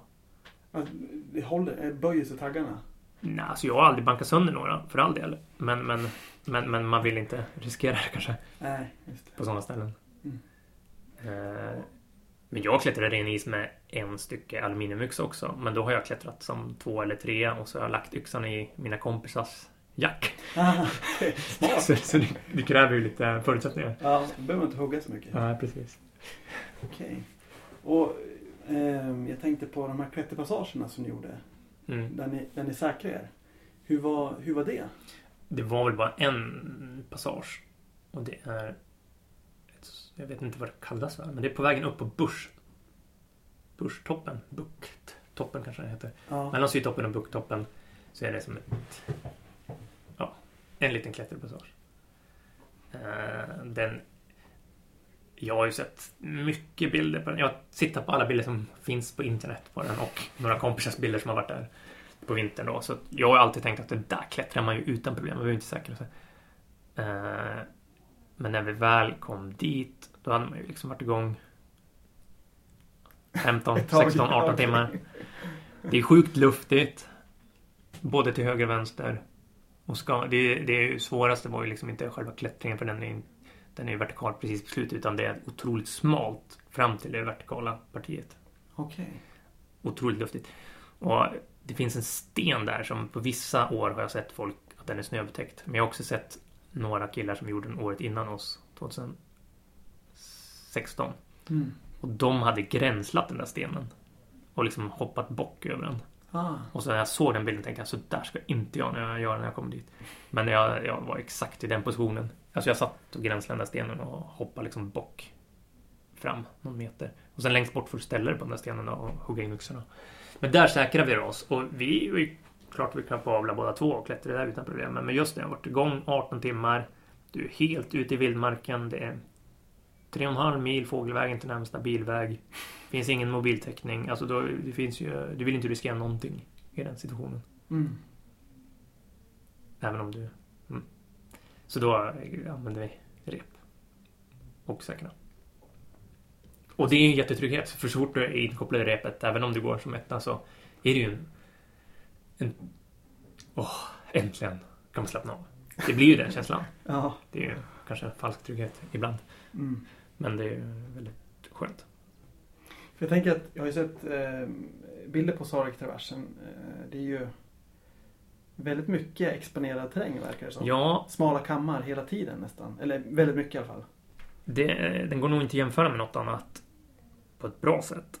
Eh, men, men den, jämfört med syltraversen mm. så är, är ju, har ju Sarek-traversen kanske mindre tekniska passager. Det är egentligen liksom några krux. Bara. Men däremot så är ju mil efter mil smal utsatt kam. På syltraversen är det väl 70 meter som är smal utsatt kam. Ja, det är Där det är smalt åt båda hållen. Mm. Och du är strax efter stor sol om man går klockhållet. Eh, just det. Ja, Mm. där är ju smal kam liksom. Där det är brant åt båda hållen. Väldigt, alltså 50 till 70 meter. Men Sarek-traversen är ju det mil efter mil. Och, och där valde ju vi oftast att åka skidor. Då. Eh, men jag anser att det skedde säkert då eftersom dels så har vi ju rört oss. Det, alltså det är ju farligt med hängdrivor och sånt. Det får man ju vara väldigt ödmjuk för. Men samtidigt har vi hållit på med det här hela våra liv. Så vi har väl hyfsat koll. Tänker jag. Ja. Eh, Så vi försökte åka skidor. Alltså, ibland med lös häl och ibland med fast häl. Så mycket som möjligt. Mm. Just det. Det var en passage eh, kring Solte Tjocka, tror jag toppen heter. Eh, Där jag, vi läste om att det var något- sällskap som hade gått löp, med löpande säkring då, i replag. med isyxostegen och där vi bara liksom skidade rakt fram utan att vara inkopplade någonting. Och vi gjorde det liksom på 25 minuter. De kanske, jag kan bara fantisera hur många timmar det kan ha tagit. Ja, det kan ju vara väldigt olika förhållanden i Ja, det, så kan det vara också. till år. Men ja. bara, Mm. Ja, men eh, jag har ju inte varit i eh, Sarek. Eller jo, det i och för sig har jag ju visst varit, kommit på. jag har ju varit uppe och packa. det ligger inte i Sarek nationalpark. Gör det inte? Nej, Fan, ligger det utanför? det ligger i Stora Sjöfallets nationalpark. Jaha, okej. Ja, då har inte varit Sarek. eh, men eh, jag har ju gjort cykelversen. Mm. Både sommar och vinter. Ska jag göra en jämförelse mellan de två? Ja. Vill du ha det? För, för då kanske man kan Ja, vi har, vi har tänkt på det här lite grann. lite grann Ja. vad, vad Sarek-traversen är för någonting. Tänk så här då. Du startar i Storulvån, skidar till Sylarnas fjällstation. Och det är 16 kilometer platt. 16 kilometer platt. Böljande landskap. Sen gör du syltraversen. Då är det ytterligare några kilometer fram till berget. Gör hela syltraversen. En gång. Åk ner till stationen. Sen gör du syltraversen tre varv. Tre varv totalt. Åk ner till fjällstationen för att få rätt antal kilometer. Då. Och sen skida tillbaks till Storulvån. Då har du samma höjdmeter och samma distans. Men du har inte samma utsatthet. För att det är massa vindskydd och fjällstation åt båda hållen i Syrien. Du kan ju åka ner till Norge om det krisar där. Just det, ne- Nedalshytta. Nedalshytta Ja. och fjällstationen och vindskydd på vägen och så. Det är väl den enda jämförelsen man kan göra kanske med någon. Men med, med syltraversen som folk känner till det ja. Ja, Du kan jämföra med andra alpina traverser i Sverige som folk inte känner till men det hjälper ju ingen. Nej, just det. Okej. Eh, men liksom när ni var mitt, mitt i på den här traversen eller när det var liksom som jobbigast eller vad man ska säga. Va, hur, hur tänkte du då? Tänkte ni ge upp någon gång? Eller så här, vad fan Ja, håller alltså, vi på Ju längre med? man har hållit på och mot det här känns så, så lättare känns det som att man vill ge upp. Eh, vi, har, vi, alltså, vi har ju planerat det här i tio års tid. Då, och eh, vi har ju varit där och provat en gång tidigare. Och vi ville, eftersom vi ville göra ett svep så ville vi göra i absolut perfekta förhållanden. Det skulle vara liksom vindstilla och sol. Inte 20 minus som det var då, men... Eh, så det är så mycket sådana moment som har liksom, vi har ju varit där uppe och bott i husbil liksom 14 dygn av våra liv för att försöka göra den här. Och väntat bara? Ja, vi åkte dit ett år och gjorde ett försök och åkte hem. Sen åkte vi dit i år och var ju där en hel vecka innan vi liksom väntade in. Vi ansåg statistiskt då så att det var bäst att vänta till den här dagen och så. Då vi hade lärt oss om väder och så. Men när, det är som motigast då, då är det ju bara att bita ihop och fortsätta. Då. Men det är ju, alltså, dels har vi, vi båda varit ute och skidat. Det var väl absolut rekord för båda dem, men alltså, har man varit ute och skidat 20 timmar så vet man ju hur det är. Så att, det är ju det är väl det som är tuffast. Men vi hade ju, det, det komiska var att vi hade vår stora down mentalt samtidigt. Det var ju på vägen upp på Stortoppen. När vi kom och såg Stortoppen, då bara nej, ska vi upp på det här Mount Everest? Nej. Och, då, och det var ju ganska... Det var ju väldigt bra skidåkning, men det var ju på Stortoppen var det ju tre decimeter snö då. Så när vi gick på stegen sjönk man ner till två till tre decimeter snö varje dag. Så det var ganska jobbigt. Men vi försökte gå på hud där så länge som möjligt så då. För att hålla motivationen uppe även fast det är snorbrant. Eh, nej, men man får ju bita ihop. Men sen, och en, en jättebra sak oavsett om det är rent, om det är bara en fysisk utmaning eller om det är klätterutmaning som psykiskt. Så är det ju bra att tänka nästa grej, alltså ett steg i taget. Alltså, vi, nej, men vi gör eh, Stortoppen. Som har gjort den. Nej, men vi, vi gör Sydtoppen. Lite så. Så ett steg i taget hela tiden? Ja, men det är ju alltid bra för att man tänker man på den där sista toppen och så inser man att topp nummer två av tio är asjobbig. Då känns det inte... Tänk om alla, alla andra är så här jobbigt, då ger jag upp nu. Men just när vi gjorde stortoppen drog det in lite dis också och blev lite dimma på topparna. Och jag, när jag såg att det började dra ihop sig, då tänkte jag nu är vi rökta. Nu är det bara att åka ner första bästa bra utförsåk och åka hem. Så då, jag hade ju nästan gett upp mentalt då, men Det visar sig att de här molnen, alltså mm, många gånger när det drar in sånt dåligt väder då är det liksom direkt en vägg. White out direkt. Men det visar sig att det är ju bara moln som kommer och går och de lägger sig bara på de absolut högsta 2000 meters topparna. Det är klarblå himmel åt alla andra håll. Så det är det Stortoppen, Sydtoppen, Börstoppen Spicka och Vonche, Chaka eller vad det nu heter. Mm. Alla de sista topparna var det lite moln som kom och gick då. Eh, Men det... Ja. Sen hade jag min sista down på vägen hem. På platten. Då var jag fruktansvärt trött. Okej. Vad hade ni för käk? Ja, alltså det... Oavsett hur man förbereder sig, om man är van att äta sportdryck och bars och sånt där och vad man nu kan stoppa, vilja stoppa i, det är lite personligt. Så, så, så slarvar man sig förr eller senare för att det blir liksom äckligt. Och ja, man går ju så tom. Jag slarvade med att dricka och åt lite för mycket bars och sånt där. Så jag blev lite ris i kistan på slutet. Mhm. Sista timmarna. Eh, och det är för att man... Även fast du vet hur man ska göra så slarvar man. Men jag drack Vitargo. Eh, det är kol... Det är alltså sportdryck som är Ja, just det. baserat på sädeslag. Alltså istället för socker. Mm. Det är mer lång, långtgående. Eller vad man nu säger. Verkar längre. Ja. Eh, och så, vi hade ju mackor. Mycket, mycket pålägg. Okej. Bars. Gels, lite allt möjligt. Och vi hade med oss eh, två riktiga måltider också. Då. Och vi hade med oss kök också för att kunna smälta mer vatten. För dels starta med fem liter vatten är inte kul. Det är bättre att bära med sig ett kök på 500 gram och smälta nytt vatten. Mm. Men ingen termos? Inget termos. Bara Absolut. kök istället? Ja, och så jag använder typ Nalogenflaskor. För det kan du göra kokande vatten i. Mm. Och rullar ihop den i dunjackan eller någonting så här. Men det håller sig som en termos upp till 10 timmar. Okej, det är inte kokande varmt men det är ju drickbart och det Ja. fryser inte. ja, just det. Just det. Och vad... När ni kom tillbaks då? För ni, ni startade i... Ja, vart, vart startade ni? Ja. Vi åkte skoterskjuts till Kesujaure. Kan det heta så? Nej, jag vet inte. Nej, vi måste kolla upp detta också. Okej. Annars ger jag ju fel information. Kommer någon snart att hävda att vi inte har gjort den. Ja. Kisuris, tror jag det heter. Okej, och det ligger... Är det, vilken del av Det- Sarek är det? Nej men det ligger inte... Ja, stugan Kisuris ligger i Sarek. Men man får ju inte åka skoter dit. Så vi åkte inte skoter dit såklart. Mm. Vi åkte en skoter till sjön där som är en och en kilometer från stugan. Precis.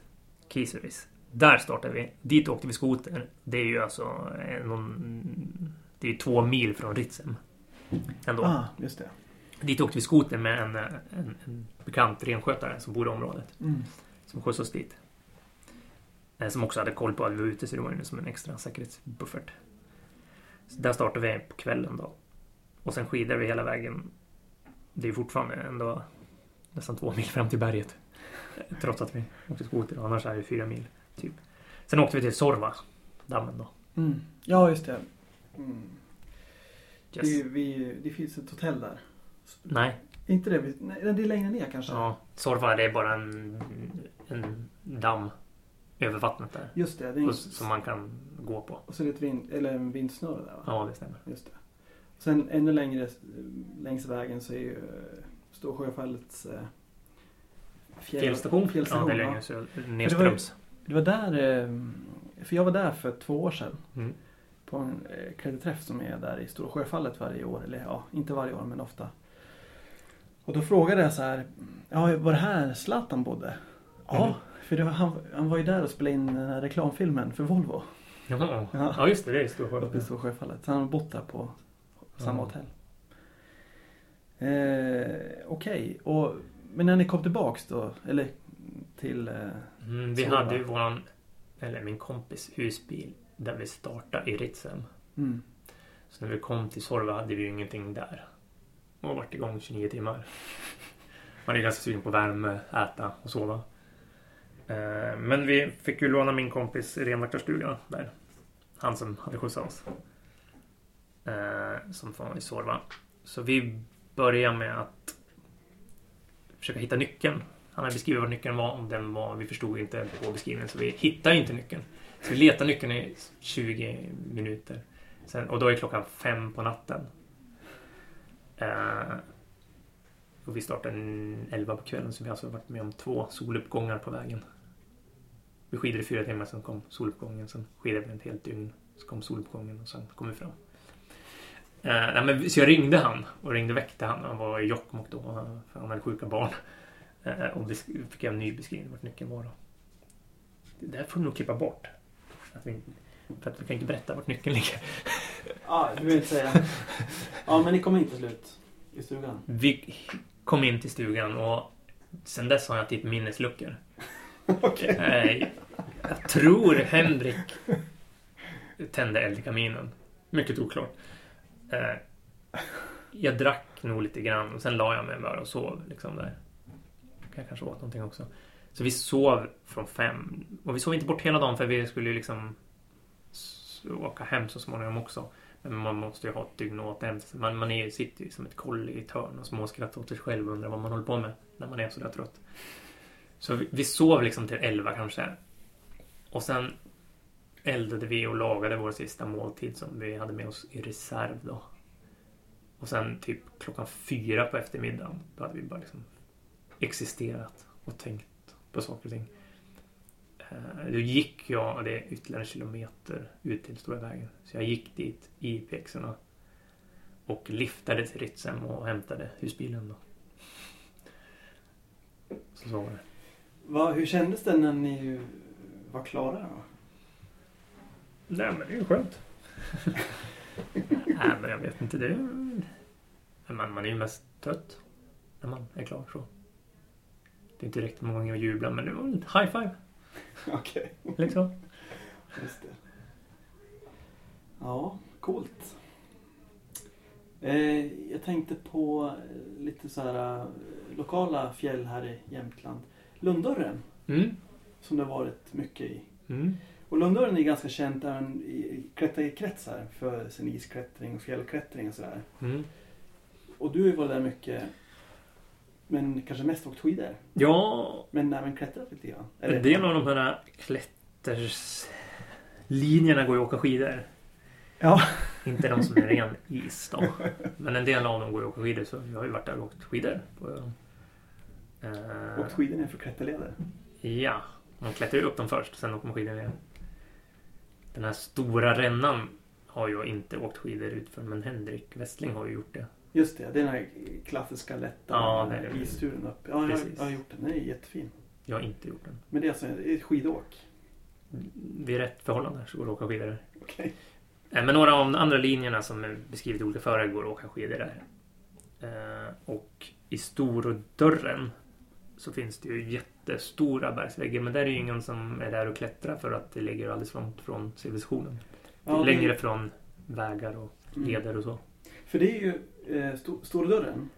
Det är ju, jag har hört rykten om att, nu är jag inte helt säker.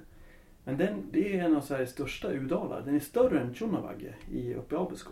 Ja, jag har hört Högre, att det är en av de alltså. största fjällsidorna men, alltså med liksom vertikala, eller vad man ska säga. Men det där, jag vet inte, att det känns log logistiskt som att det borde inte stämma. Men det är jättehög. Det är 500 höjdmeter. Ja, precis. Liksom, det är ju en rejäl, Typ cirka. rejäl fjällvägg liksom. Ja. Och det är ju åt båda hållen där. Både på östra och västra sidan. Och där finns det ju också skidåk. Eh, på väst... Se här. Västsidan så är det ju en linje som vi åkte skidor för några år sedan som är riktigt, riktigt radikal. Den skulle jag nästan haft en bild på, på din...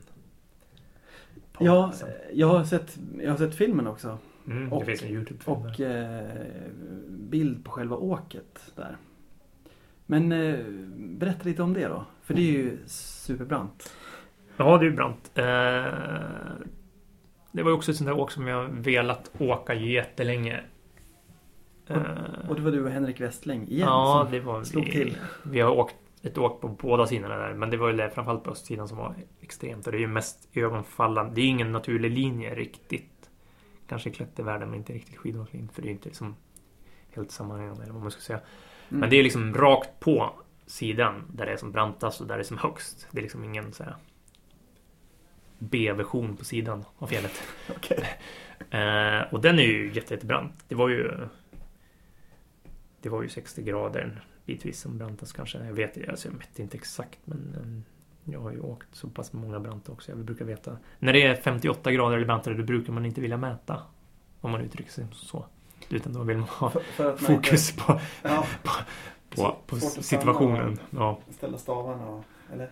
ja, alltså det är väl en sak om man klättrar och sitter fast. Men om man åker skidor utför sådär vill man kanske inte riktigt göra movet. Men hur brant är eh, 58 grader då? Kan, kan du beskriva det? Nej, det kan jag inte beskriva med ord. Måste upplevas. Okej. Okej. Nej, men om det är 58 grader och is, då är det ju väl som vertikal is. Ja, inte riktigt. Men det är ju, det är ju klättring i alla fall. Ja, Uppför är det ju. ja. 60 grader is brukar man ju... Ja, jo men det är ju, det är ju klättring. Mm. Men du har ju varit mycket i Lönndörren som sagt. Eh, eh, vid det åket då ner där för Stordörrens, vad blir det? Östsida. Östsida, just det. Eh, Nej, västsida. Västsida. Mot väst. Ja, exakt. Vänstra sidan, Mm, eh, söderifrån. precis. Vad... Du hade också med rep och stegjärn och isyxor? Ja, absolut. När man åker så brant så vill man ju gärna... Alltså det kan ju vara... Helt plötsligt kan det ju vara i princip is under. Så man åker ju med isyxor i handen, mer eller mindre. Eh, Och där... Vi firade oss på två ställen där. Med rep då. Dels i starten, för det var en liten, liten hängdriva. Sen var det en sten som var mitt i linjen och det var äckligt bland första biten där. Och hade den stenen varit översnöad så hade det nog kanske gått att åka skidor in i den. Men vi firar förbi den då. Och sen är det som en lång, lång ramp som bara leder ner i... Ja. Försvinner ner över helt enkelt. Ja, okej. Eh, eh, och sen åkte vi skidor allting. Och sen var, hade vi ju sett då, vi har ju räkat det här väldigt noga så, på bilder och olika år och så. Det är ju inget givet att man åker när man väl är där heller. Vi kunde ju gått fram till kanten och konstaterat att nej, vi åker inte, och åkt hem. Men eh, så vi visste ju att det var en fyrning till och den är ju mitt, mitt på. Och där har vi trott att det var väldigt liksom lite svag och att det kunde rinna is under där och kunde vara jättefarligt liksom, när man kommer ut mot den kanten. Mm. Men det var ju ren blockterräng och det var två decimeter lössnö på ingenting. Så att det var inte farligt ur det perspektivet. Men det var farligt att förstöra skidorna liksom. Mm. Eh, inför den fyrningen. Så det var ju en fyrning till då. Sen, sen är egentligen, jag tror nästan att det brantaste är på slutet. Vi försökte året innan när vi försökte göra den här vid ett annat försök. Då försökte vi klättra den. Men vi, vi lyckas inte klättra upp där. Vi var för dåliga på att klättra. Okej. Men vi åker skidor utför i alla fall. Så den linjen ni åkte skidor ner för är inte klättrad Jag- nerifrån? Jag tror det. Aha. Jag tror de här som var ute mycket på 70-80-talet eventuellt har klättrat. Men jag vet Just inte det. exakt. Mm. Vi klarade i alla fall inte av att klättra den, det, den dagen. Men det var skugga och det var allt möjligt Mm. som talade emot. Det är väldigt, väldigt brant precis på slutet då, eller i, i starten då, om man skulle klättra upp den. Så vi åkte ju runt då Mm. och droppade in bara. Nå. Om man väl droppar in en sån där, då finns det ingen väg tillbaks liksom. Det är ju bara att fortsätta neröver. Just det. Men eh, jag tänkte på det.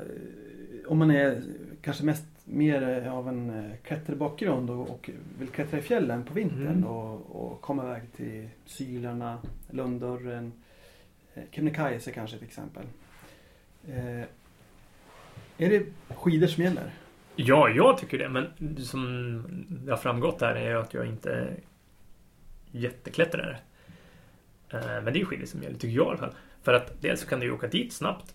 Eh, Halva klätteråket kanske går att åka skidor. Både i slutet och kanske i början också. Mm. Och eh, du slipper med olika utrustningar. Eftersom du klättrar i samma skor.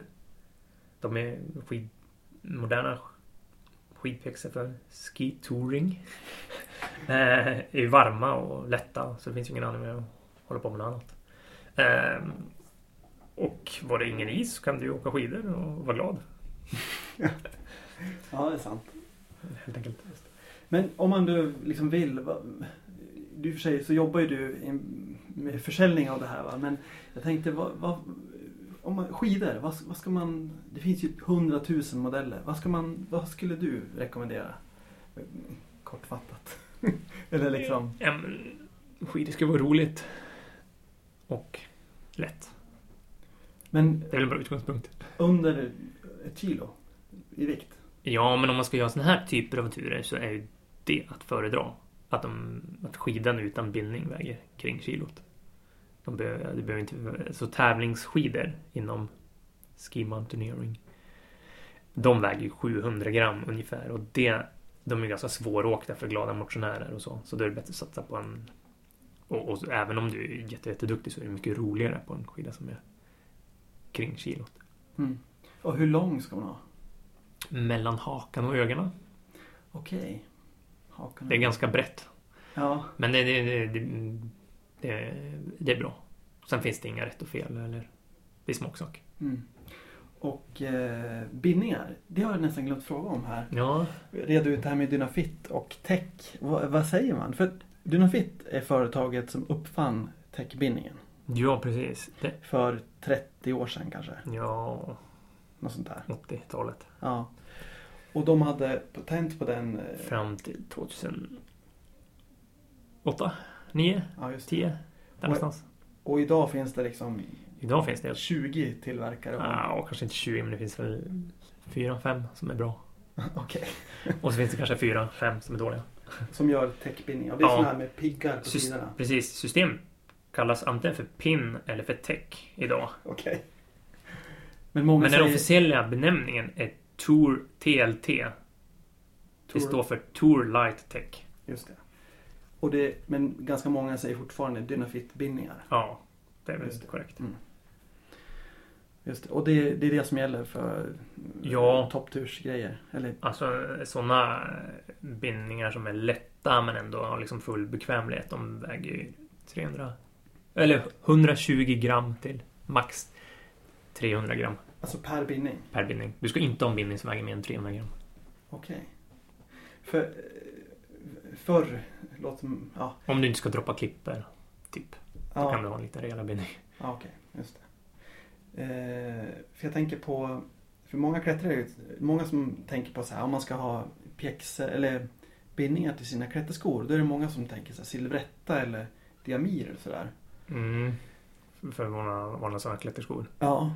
Det är, det är ju jättesvårt att få tag på. Sådana, eller diamir går fortfarande att göras. Görs, Men, görs fortfarande går att köpa fortfarande. men vad väger de? Det vet jag inte exakt faktiskt. Men eh, mellan 900 gram och 1500 gram kanske. Okej, ja det är ju en stor skillnad. Ja. Nej, så det är ingen mening att ha. Om du ska åka skidor fram. Då kan man ju lika gärna gå snöskor. Okej. Kanske. Det går väl att göra med klätterskor. Om de är böjbara fall. Ja, jo absolut. Det är ju, snöskor är ju ganska eh, ja, vanligt. En, en del Ja, har- men alltså är det en kortare tur upp till en klippa, bara alltså några hundra meter, då är snöskor ganska bra alternativ. Mm. Just det. Och eh, pjäxor då? Vad, vad ska man satsa på? Vad ska man ha? vad har du? Ja, jag har... Man ska ha en pjäxa som passar din fot, för alla har vi olika fötter. Eh, jag har en Dynafit TLT 7. Den är ganska bred på lästen och det betyder att den är varm och skön också. Men man, man ska, oavsett fabrikat, så för den här typen av aktivitet så ska man väl ha en pjäxa som väger runt kilot. Det är precis som skidan. De kan väga från 950 gram till 1200 gram. Då är det ju... Sen eh, är fabrikatet där mindre viktigt, tycker jag i alla fall. Utan det är viktigt att den sitter bra på foten. Mm. Och det här med pjäxor och stegjärn då? Hur tänker du där? Fun- Alltså funkar... Det kan ju vara lite svårt att få till en bra passform ibland, har jag märkt i alla fall. Ja, det tycker jag inte. Har aldrig varit med om. Okej. Nej men eh, alltså stegjärn går ju att ställa in. eh, Har de sån alpin läst som är helt i plast, hård. Går inte liksom. Inte som en lädersko som. Då är du ställer ju in den under och sen brukar de flesta stegjärn ha sån här fin justering längst bak. Mm. Nej, det ska ju sitta tajt och rejält. Du ska ju tåla att bankas in i väggen. Helt enkelt. Ja. ja, just det. Nej, men prova eh, i din butik helt enkelt. Att de sitter på dina pjäxor. Mm. Som inte ramlar av. Och du kör med stålframdel och aluminiumbakdel? Ja, för sådana lite mer allround-turer. Men det är som med allt. Man, ska man klättra ren is så har jag ett par klätterjärn såklart. Och jag har ju bara renodlade aluminiumjärn. Just det, för riktigt lätta. Ja, men om man ska gå på en snöränna på en vanlig topptur liksom. Mm. Okej. Eh, och eh, mitt favoritämne, nej men stavar. Så Justerbara, justerbara eller inte? ska man vara snabb i fjällen så är justerbara bra för att när det går ihållande uppför så är det värdelöst med långa stavar. Då får du ont i axlarna. Så då vill du ha ungefär samma längd som du åker vanligt utför med. Alltså lite kortare då? Så inte En längdstav eller? Ja, eller hur, ja, men hur långa stavar ska man ha? Ja, jag vet inte riktigt. Okej. Det finsk säkert någon formel där. Men om du har en teleskopstav. Ja. Det, för, det förespråkar jag helt klart. För då kan du ju göra en lång så du kan skata. För då vill du ju ha 1,40-1,50 på plattan liksom. Och när du diagonaler. Förstår alla vad diagonal är? Nej, jag vet inte. Nej. Berätta. När du liksom skidar med skidorna så att säga. Ja. Inte har fast häl utan har lös häl och går på plattan eller lätt uppför. Mm. Låt säga vi går på plattan. Då vill man ha kanske 135 i min längd då. Nu pratar jag i mitt egen värld. Mm. Och när du åker utför har jag kanske 125. Så en teleskopstav är väl bäst oftast. Just det. För jag har ju själv eh, fallit offer för eh, justerbara stavar som framförallt under vintern. Det fastnar, du vet, det fryser i låsanordningen och så bara får man inte ihop dem, man får inte ut dem och så bara tjopp sjunker de ner så här.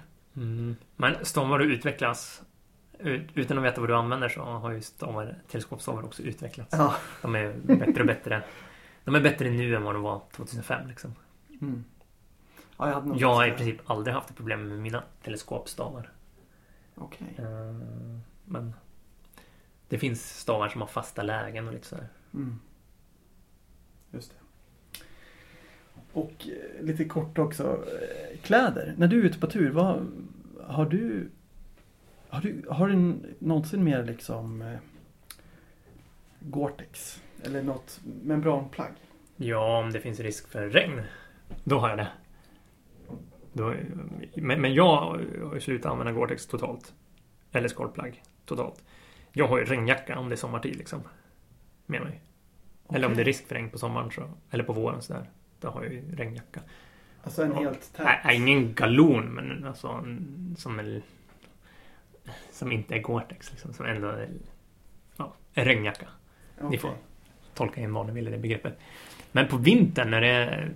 Om jag skulle ge mig ut nu, nu är det fem minusgrader ute, då skulle jag inte ha med mig något sånt. Utan då skulle jag ha olika typer av värmejackor. Typ. Alltså typ Primaloftjacka? Ja, men jag har en, en jätte, jättetunn som har någon sån här typ av Polartech, tror jag det heter. Den isolerar lite grann och värmer. Jag har ullunderställ, en sån tunn vindjacka, kalla det vad du vill. Mm. Sen har jag typ en tunn Primaloftjacka som isolerar. Och sen en dunjacka med mig. Okej. Och eh, eh, skidryggsäck, vad, vad ska man tänka på där? Skidryggsäck? Nej, jag vet inte. Att du kan bära skidorna schysst. Såklart. Och fästa yxor. Många har ju en massa tuffa spännen som tillverkarna tycker är tuff. Som kanske inte är så praktiska. Så prova. Om du är vilsen i den världen. Men eh, jag... Det är inte alltid det finns den ultimata skidryggsäcken som man kan bygga själv. Det gör jag nästan alltid. Att bära skidorna diagonalt och att man kan sätta fast skidorna utan att ta av sig ryggsäcken. Det tycker jag är A och O. För skulle du lägga, annars till exempel på stora Sark-traversen. Skulle du ta av dig skid, ryggsäcken då för att fästa skidorna och sen sätta på sig den. Det tar alltså tre minuter, tre till fem minuter tar det kanske. Mm. Och, eller om du bara kan ta av dig skidorna och sätta fast ryggsäcken och sen fortsätta gå. Det tar ju liksom 30 sekunder. Och vi gjorde, jag för mig, Henrik räknade ut att vi gjorde kring 50 byten. Alltså vi stannar, tar av oss hudarna, vi stannar, sätter på stegjärnen, stanna, sätta på hudarna och så vidare. Så här.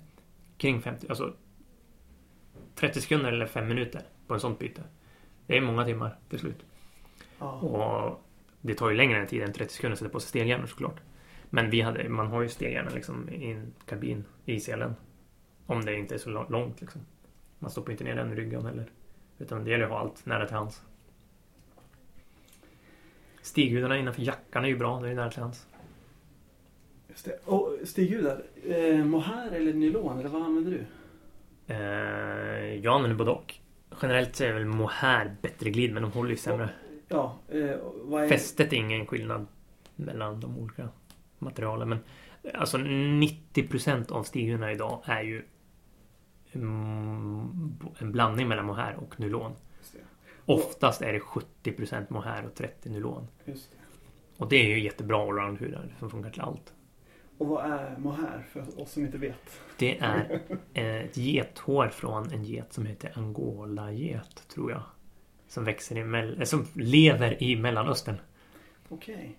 Och det, om man har mohair, det är lite bättre glid i dem. Ja, Med sämre hållfasthet. yes. Åker du på hård skarsnö så slits de väldigt fort. Ja. Om det är renodlade mohairhudar. Nylon är ju plast och det håller bättre så. Ja. Eh, vallar du dina stighudar förresten? Ja, absolut. Eh, dels händer det att jag vallar dem hemma. Kanske inte så ofta som man önskar. Men jag brukar ha med mig lite valla både på våren har jag med mig flytande valla men jag kan ha med mig en liten, liten vallakloss jämt på turen för att om det börjar om det är runt noll grader och snöar Mm. så finns det alltid en risk framförallt när de börjar bli slitna hudarna att håren börjar trilla av att det blir isbildning på hudarna Ah. och då eh, räddar vall, lite valla dig. Då kan du bara gnugga på valla liksom. Och då blir den liksom lite mer vattenresistent? Ja, då, precis. Så det inte suger upp? Nej, det fa- fa- fastnar inte i snö och du får bättre glid igen. Okej, För fastnar det snö under stighuden då får du ju gå och lyfta skidorna. Liksom. just det. Man vill ju glida fram på skidorna. Coolt. Eh, ja, vi kanske ska börja avrunda här lite grann. Men det är ju januari. Och vintersäsongen, du har redan, du börjar i oktober eller när började du? Ja, i år var det... Nej, men jag brukar åka nästan året om. Det finns ju glaciärer fortfarande i Sverige så passa på att åka på dem. Nej, men jag brukar åka lite mest året om. Inte så ofta på sommaren då, men det händer. Och vad har du för planer nu framöver här? Alltså turer tänkte jag. Mm, det förstod jag. Eh, Nej, jag vet inte riktigt. Eh, Jag har ingen så här jättestor grej jag vill göra just i år. Men vi har tagit en veckas semester för att göra något vi kallar för Lundorstraversen. Den Ah. skulle vi vilja prova. Vi har Vi tänkte att vi skulle göra den förra året. Eh, Men då tog vi inte liksom semester och då Ja men jag kan bara måndag och tisdag vecka 14 och jag, min kompis kan någon annan dag. Alltså det finns väldigt liten chans att man får till det då. Så nu har vi tagit båda semester en vecka för att det, om vädret tillåter och förhållandena är rätt så ska vi i alla fall försöka då. Det är jag och Henrik Wessling. Okej. Och det, då ska ni alltså traversera hela Lundors Ja, pre- precis. Vi ska ju då traversera alla de här dörrarna kan vi säga. Eh, Det blir ju ingen renodlad klättertravers ur det perspektivet. Det blir ju upp och ner i Dalarna. Men det blir ju mycket klättring.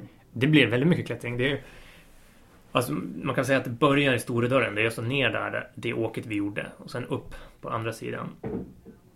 Som vi också har gjort. Och sen Och det- ska man... Och det är ju den här 500 meters väggen. Yes. Och så upp på en likadan på andra sidan. Och sen är det ner i Lunders... Lillundörren heter det. Och där är det en klänna. Som ingen av oss har skidat. Men det kanske finns någon som skidar här. där. Den, den, men den ser inte så jättesvår ut så den ska vi nog klara av. Sen är det upp Lillundaren och den, den väggen är väl lite mindre än Storudaren. Kanske är 300 till 350 höjdmeter. Och sen ner i Lunddörren då den så kallade Ränna 4, eller Norra Rännan. Ska vi åka där då. Och sen upp på andra sidan igen.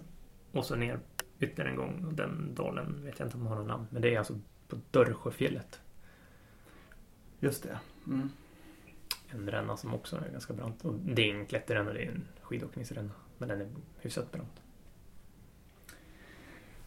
Coolt. Så det ska vi göra i ett svep, ska och ska. Alltså det är drömmen Eh, jag tror den kommer ta jättelång tid för att alltså det tar ju de där riktigt branta rännorna kan ju ta några timmar att åka ut för liksom. Ja, härligt. Ska du med? Eh, Ja, kanske det. Nej, fan, jag måste, måste öva mm, lite skidåkning. Jag åker inte så ofta nu för tiden. Nej, men det klarar man nog om man vill. Mm. Ja, ja, coolt. Det är ju spännande turer du har gjort. Mm. Eh, vad bra, men eh, vi har pratat nu rätt länge så jag tror att vi kanske återkomma Ja, klippa. till avsnitt någon gång. Får inte vara för långt. Nej, exakt. Eh, vad bra. Tack för samtalet och du får Mm. om vi inte Tack möts. för att du fick vara med Ja, tack själv. den mycket den blivande populära podden. Ja, vi får väl se. Men lycka till på Lundarsgrejen Tack. om, om det kommer iväg. Ja. Coolt.